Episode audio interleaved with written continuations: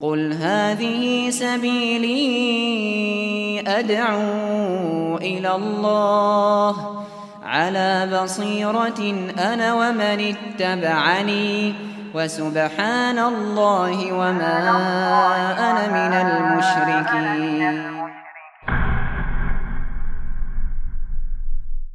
Bab ke-48 Sekarang kita lihat bersenda gurau dengan menyebut Allah, Al-Quran dan Rasulullah. Bahasa Arabnya man hazala bi syai'in fi zikrullahi awil qur'ani awil rasul. Bab bersenda gurau dengan menyebut Allah, Al-Quran dan Rasulullah. Berarti nggak boleh guyon bawa-bawa nama Allah, bawa Al-Quran atau bawa Rasulullah. Walaupun cuma senda gurau saja, tidak serius, tidak boleh dipermainkan. Kita nanti lihat ayat di sini ditambah nanti dengan kisah yang bisa diambil ibrah atau diambil pelajaran. Monggo dibaca artinya.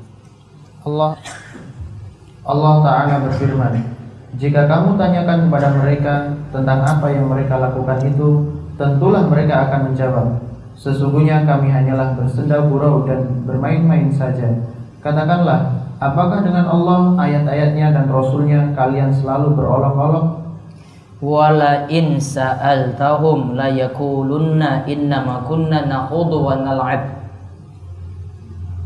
Qul abillahi wa ayatihi wa rasulihi kuntum tastahzi'un.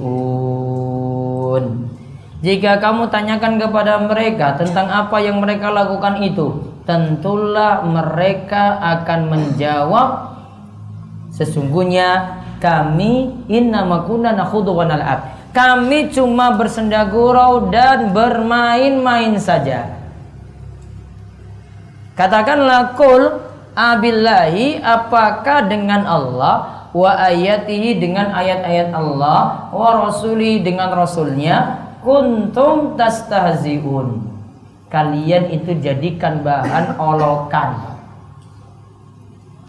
Dalam lanjutan ayat qad kafartum ba'da imanikum kalian telah kafir setelah sebelumnya kalian itu beriman La ta'taziru qad kafartum ba'da imanikum. Janganlah mereka itu diberi uzur kalian telah kafir setelah sebelumnya itu beriman. Maka kalau guyon jangan bawa-bawa Allah, Al-Qur'an dan Rasulullah. Kita lihat kisahnya di sini yang jadi bukti. Ya, ini lihat kisah ini baik-baik. Ibnu Umar. Ibnu Umar, Muhammad bin Ka'ab dan Zaid bin Aslam menuturkan hadis yang maknanya adalah sebagai berikut. Ketika terjadi perang Tabuk, ada seorang yang berkata, "Aku belum pernah melihat orang seperti para ahli baca Al-Qur'an. Mereka adalah orang yang perutnya paling buncit, paling dusta omongannya dan paling pengecut ketika berperang." Nah, paling buncit berarti apa kalau istilah buncit? Banyak makan. Jadi ini sebenarnya kurra tadi tadi para ahli baca Al-Qur'an diberikan catatan para ahli bacaan Al-Qur'an di sini adalah celaan untuk para sahabat Nabi. Karena para sahabat disebut ahli Al-Qur'an karena mereka paham Al-Qur'an. Mereka dijadikan bahan guyonan. Ini terjadi ketika orang-orang ini saat perjalanan safar tidak ada bahan hiburan Wah kita guyon gimana ya? Nah mereka bawa-bawa nama para sahabat, mereka sebut, wah mereka itu Rasul dan para sahabat, mereka sebut perutnya itu buncit, banyak makan. Terus apa lagi? Paling dusta omongannya. Terus digelari apa lagi? Paling pengecut ketika di medan perang. Lalu Yang dimaksud oleh orang itu adalah Rasulullah dan para sahabat yang ahli membaca Al-Quran. Nah, berarti mereka jadikan Rasulullah jadi bahan guyonan. Lalu, Auf bin Malik berkata kepadanya, Omong kosong, engkau adalah orang munafik. Sungguh, aku akan melapor kepada Rasulullah Shallallahu Alaihi Wasallam. lihat dia katakan, Auf bin Malik katakan, "Kadzabta, omong kosong kamu. Engkau dusta, walakinnaka munafik. Engkau itu benar-benar munafik." Terus Auf lantas pergi menghadap Rasulullah Shallallahu Nah, kejadian tadi dilaporkan pada Rasul. Lalu untuk melaporkan hal itu. jadi ceritakan tadi ini loh ada orang yang guyon ya bawa-bawa nama engkau wahai Rasulullah. Terus Rupanya sebelum ia mengabarkan kepada Rasulullah ayat Al-Quran telah turun kepada beliau Shallallahu Alaihi Wasallam. ternyata ayat Al-Qur'an sudah lebih duluan turun. Lalu Orang tadi orang tadi lantas menghadap Rasulullah Shallallahu Alaihi Wasallam akan tetapi beliau telah beranjak dan menaiki ontanya. berarti Rasulullah SAW sudah terlanjur pergi. Lalu Orang itu berkata, wahai Rasulullah, kami hanyalah bersenda gurau dan mengobrol sebagaimana obrolan orang yang sedang bepergian jauh untuk mengisi waktu luang saja. Nah, karena tidak ada hiburan saat safar, maka dicarikan bahan guyonan. Ya, kalau zaman sekarang ini ada komedian, ada stand up komedi. Nah, itu banyak guyonan situ yang enggak enggak pantas untuk didengar. Terus Ibnu Umar, Ibnu Umar berkata, Sepertinya aku melihat orang itu berpegangan pada sabuk pelana onta Rasulullah Shallallahu Alaihi Wasallam. nah artinya orang tadi yang guyon tadi kejar Rasulullah SAW, kejar-kejar wah Rasulullah, Rasulullah, kejar sampai pegang tadi apanya sabuk pelana untanya, kejar-kejar Rasulullah SAW terus. Lalu dan kakinya tersandung-sandung batu seraya mengucapkan, sebenarnya kami hanya bersenda gurau dan bermain-main saja. Nah, mereka katakan inna makunna nakhudu wa nal'ab. Kami itu cuma bersenda gurau dan bermain-main saja, cuma bercanda saja, nggak serius. Lalu, Rasulullah Shallallahu Alaihi Wasallam lantas berkata kepadanya, apakah dengan Allah ayat-ayatnya dan Rasulnya kalian selalu berolok-olok? nah itu digaris bawahi. Apakah dengan Allah, ayat-ayatnya dan Rasulnya kalian selalu berolok-olok? Dijadikan bahan guyonan. Mungkin ada yang plesetin ketika buat komedian, Al-Qur'annya dia baca buat orang itu tertawa. Satu ayat dia buat-buat buat orang itu tertawa. Guyon berarti kan? Namun bawa ayat Allah. Mungkin Rasulullah dengan keluarganya jadikan bahan guyonan juga. Mungkin juga dengan Allah dijadikan bahan guyonan pula. Ingat, di sini termasuk yang kita bahas. Nah, sekarang apa kesimpulan hukumnya berarti? Mengolok dicatat yang terakhir dari hadis ini kesimpulan hukum paling penting. Oh ya, dibaca tadi beliau pun tidak menoleh. Beliau pun tidak menoleh dan tidak menambah omongannya. Nah, sekarang kita lihat kesimpulannya berarti orang yang mengolok-olok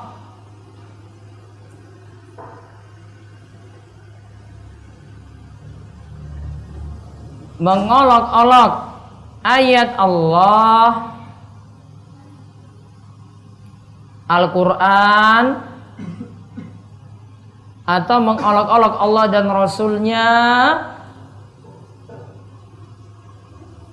Dikatakan kufur. Dinafikan tauhid pada dirinya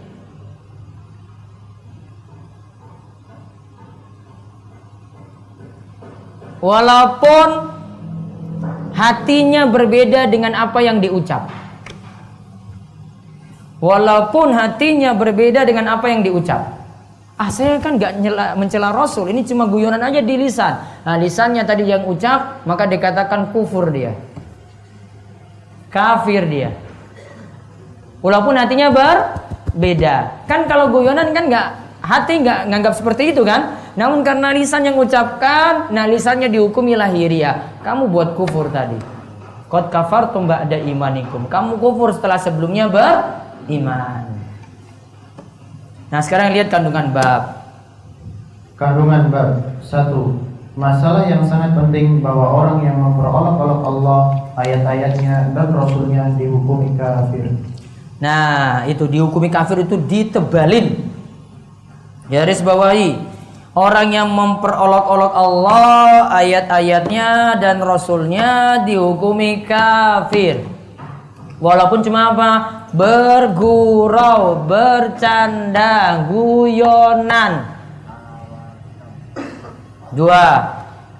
Tafsir ayat di atas berkenaan dengan orang-orang yang melakukan perbuatan tersebut, siapa pun orangnya. Nah, jelas tadi dalam asbabun nuzulnya. Tadi kan asbabun nuzulnya ya, sebab turunnya ayat.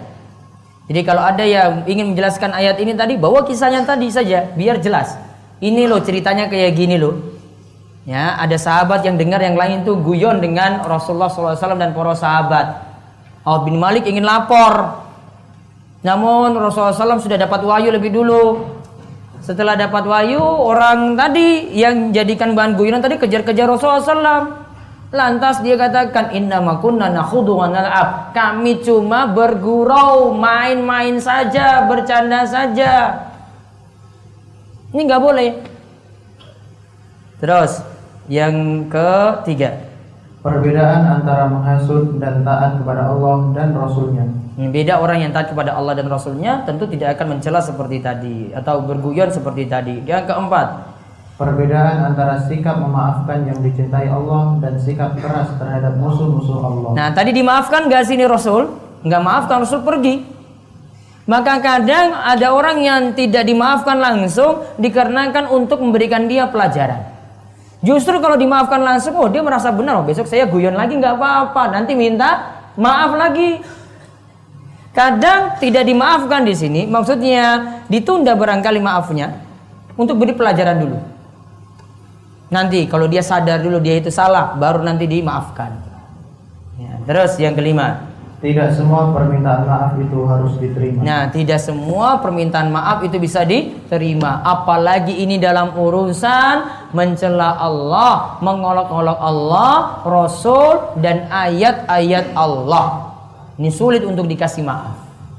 Ya, wallahu a'lam. Selesai sesi yang ke-12 untuk hari ini sampai bab 48. Kita ada berapa bab? 67 Insya Allah belum selesai ya, Satu waktu lagi nanti ya Sekitar bulan Mei nanti di awal insya Allah ya. Ntar saya jawab sedikit saja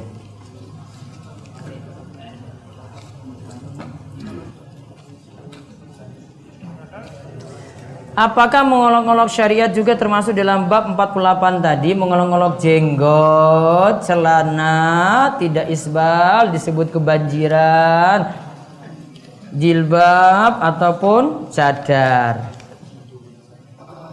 Termasuk atau tidak? Kalau dia mencela syariat dikhawatirkan hukumnya sama karena yang dia cela itu syariat Allah. Mudah-mudahan itu di atas kebodohan. Namun kalau kebodohannya itu karena nggak mau belajar hati-hati, double dosanya. Ini adalah kali pertama saya mengikuti daurah kitab tauhid. Apakah bab 1 sampai 31 bisa saya pelajari dari YouTube? Bisa. Namun kalau untuk memperoleh sanat insya Allah saya mungkin buat daurah sanat nanti sekitar bulan Ramadan saja karena Ramadan saya di rumah. Ramadan nggak terima ngisi pokoknya di rumah aja. Jadi imam tetap gelar raja di pemerintahan. Ya, dari pelajaran tadi nanti bisa di ini sendiri ya. Wah, ini singgung orang nih nanti. Saya pernah mampir ke sebuah musola dan menemukan buku tuntunan wudhu dan sholat yang tidak sesuai dengan tuntunan Nabi. Saya kemudian membawa pulang buku tersebut secara diam-diam agar tidak diamalkan isi buku tersebut oleh orang lain. Bagaimana hukum perbuatan saya dan sebaiknya saya apakan buku tersebut? Baiknya tidak seperti itu nanti yang punya buku nanti masjid akan beli lagi, masuk lagi, hilang lagi, beli lagi. Bagusnya kalau bisa nasihati nasihati. Lebih aman di situ. Apakah ada hadis bagi yang mengerjakan puasa dua hari di awal bulan Rojab seakan ibadah dua tahun? Jika tiga kali di tiga hari di awal bulan Rojab, maka pahalanya 700 tahun. Dan bagi yang mengingatkan tentang amalan ini, seakan ibadah 80 tahun. Dan apa amalan yang afdol di bulan Rojab? Puasa Syawal saja masa kalah dengan puasa ini. Syawal cuma satu tahun loh pahalanya, ini 700 tahun. Luar biasa amalan bid'ah itu kayak gitu. Nggak ada tuntunan, nggak usah diamalkan, nggak perlu juga diteruskan pada orang yang lain. Amalkan seperti puasa biasa saja. bagaimana menyebut Sayyidina untuk Nabi. Sayyidina nanti akan ada pembahasannya sendiri dalam kitab Tauhid. Apa makna dan apakah makna dari ijtihad? Ijtihad itu menyimpulkan hukum dari dalil-dalil jadi suatu hukum nantinya. Namun kalau pembahasan ijtihad itu biasanya mas, uh, para ulama menyimpulkan hukum ketika sulit untuk dipahami dari dalil. Maka kadang permasalahannya disamakan dengan hukum-hukum yang lainnya. Itu masalah ijtihad. Kalau benar ulama ini dapat dua pahala, kalau salah satu pahala karena sudah berusaha sungguh-sungguh untuk beristihad. Apakah setiap muslim dapat beristihad sendiri-sendiri? Tidak bisa.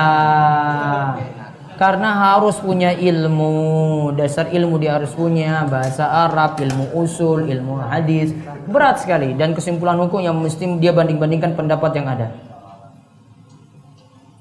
Di tempat kerja saya setiap pagi karyawan diwajibkan untuk melafalkan Asmaul Husna dan sholat duha berjamaah. Apakah ada amalan melafalkan Asmaul Husna? Tidak ada. Asmaul Husna itu bukan jadi amalan seperti zikir, namun Asmaul Husna itu untuk pengantar sebelum masuk doa. Walillahil asmaul husna fad'uhu biha. Allah memiliki nama-nama yang terbaik, berdoalah dengan asmaul husna tadi. Gitu ya. Untuk sholat wajib zuhur dan asar, pimpinan membuat aturan untuk sholat di jam istirahat dan jam pulang. Jam istirahat berarti jam 12 gitu ya, jam pulang jam 16. Apakah kami harus mengikuti peraturan sholat asar jam 16 atau pergi ke masjid sebentar? 16 masih waktu asar, boleh sholat asar di waktu itu. Kalau mau pergi lebih awal takutnya melanggar aturan tadi, maka undur saja. Azannya mungkin tepat waktu di masjid, namun untuk sholatnya jam 16. Nggak masalah untuk itu. Kemudian di tempat kerja tadi setiap pagi melafatkan amal asmaul husna sholat dua berjamaah hanya boleh dilakukan ya tidak secara rutin. Kalau untuk mengajarkan yang lainnya boleh. Sama seperti sholat tahajud berjamaah pula. Namun kalau jadikan rutinitas harus datangkan dalil. Kalau tidak jadikan amalan yang tidak ada tuntunan. Bolehkah minum berdiri? Hukumnya makruh. Sebagaimana Imam Nawawi juga sebut dalam kitabnya Riyadhus Shalihin. Apakah makan dan minum harus habis sampai bersih? Iya, lebih bagus seperti itu. Namun kalau tidak habis tidak tercela. Arti-arti surat Al-Quran beberapa ada arti ilah dan itu tertuju pada arti Allah. Tetapi ada orang yang dipanggil ilah. Boleh tidak Ustadz? Baiknya tidak. Ilah juga nanti jadi nama yang spesial hanya untuk Allah. Apa perbedaan tegas antara tidur yang membatalkan wudhu dan tidak? Hilang kesadaran wudhu batal. Tidak hilang kesadaran wudhu tidak batal. Para sahabat itu pernah tertidur, lalu Rasulullah SAW keluar untuk sholat isya. Mereka lantas bangun dan tidak wudhu lagi. Para ulama simpulkan tidurnya di sini tidak sampai hilang kesadaran. Sama seperti contohnya saya gampang kan. Bapak-bapak itu kalau khutbah Jumat tidurnya kayak gitu. Tok. naik lagi. Tok lagi. Nah. Ya kan? Hilang kesadaran enggak? Oh enggak, dia masih ini kok naik-naik turun itu. Kecuali naik-naik turun gini sambil ngorok gitu. Oh, gitu. Nah, itu baru hilang kesadaran. Pas digugah nggak bangun-bangun juga. Biarlah Allah dan fulan saja yang tahu bagaimana benarkah kalimat itu. Tidak boleh disejajarkan karena kalimat ini mengkonsekuensikan si fulan tahu segalanya seperti Allah. Meninggalkan sholat karena lalai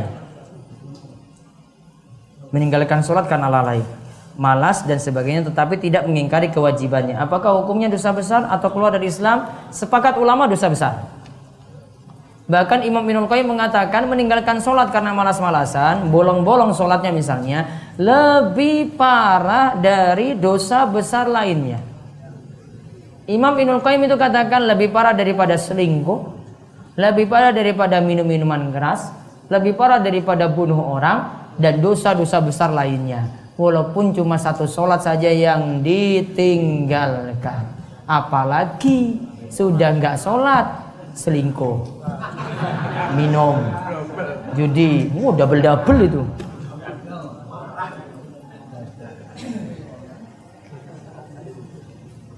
Namun tentang kafirnya, jumhur mengatakan tidak kafir.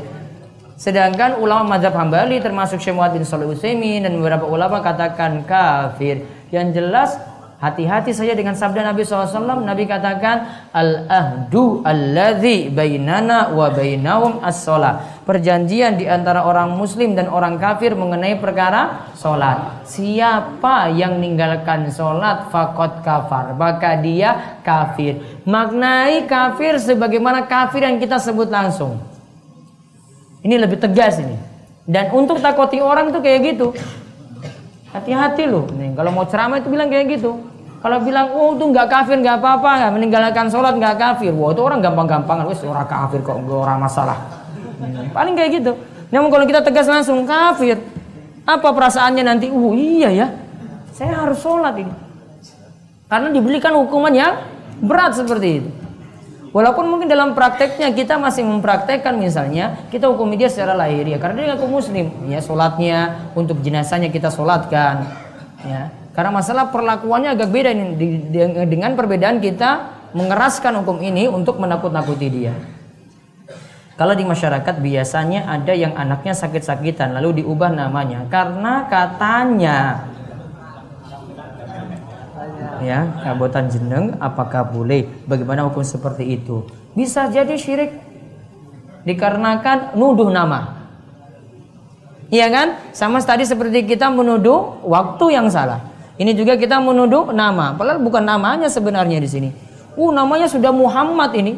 Apa nama Muhammad itu tercela? Enggak. Kadang orang tua diuji seperti ini untuk melihat kesabaran orang tua bisa sabar enggak?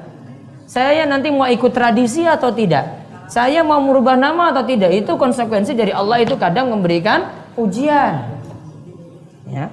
Sehingga harus memang orang tua itu memiliki akidah yang benar sehingga tidak keliru dalam masalah ini. Bagaimana hukumnya? Memanggil nama karapan tadi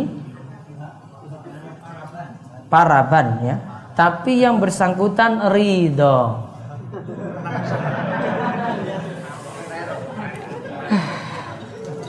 Enggak boleh. Ya. Tadi misalnya dipanggil apa? Kampret juga ada. Ya Allah, kok teko banget dipanggil kayak gitu ya. Punya nggak boleh, walaupun itu ridho, ya. Walaupun itu ridho nggak boleh. Wallahu alam bisawab. Demikian kita cukupkan, kita tutup kalian doa keberatan majelis. Subhanakallahumma bihamdika. Syahadu alla ilaha illa anta astaghfiruka wa atubu Assalamualaikum warahmatullahi wabarakatuh.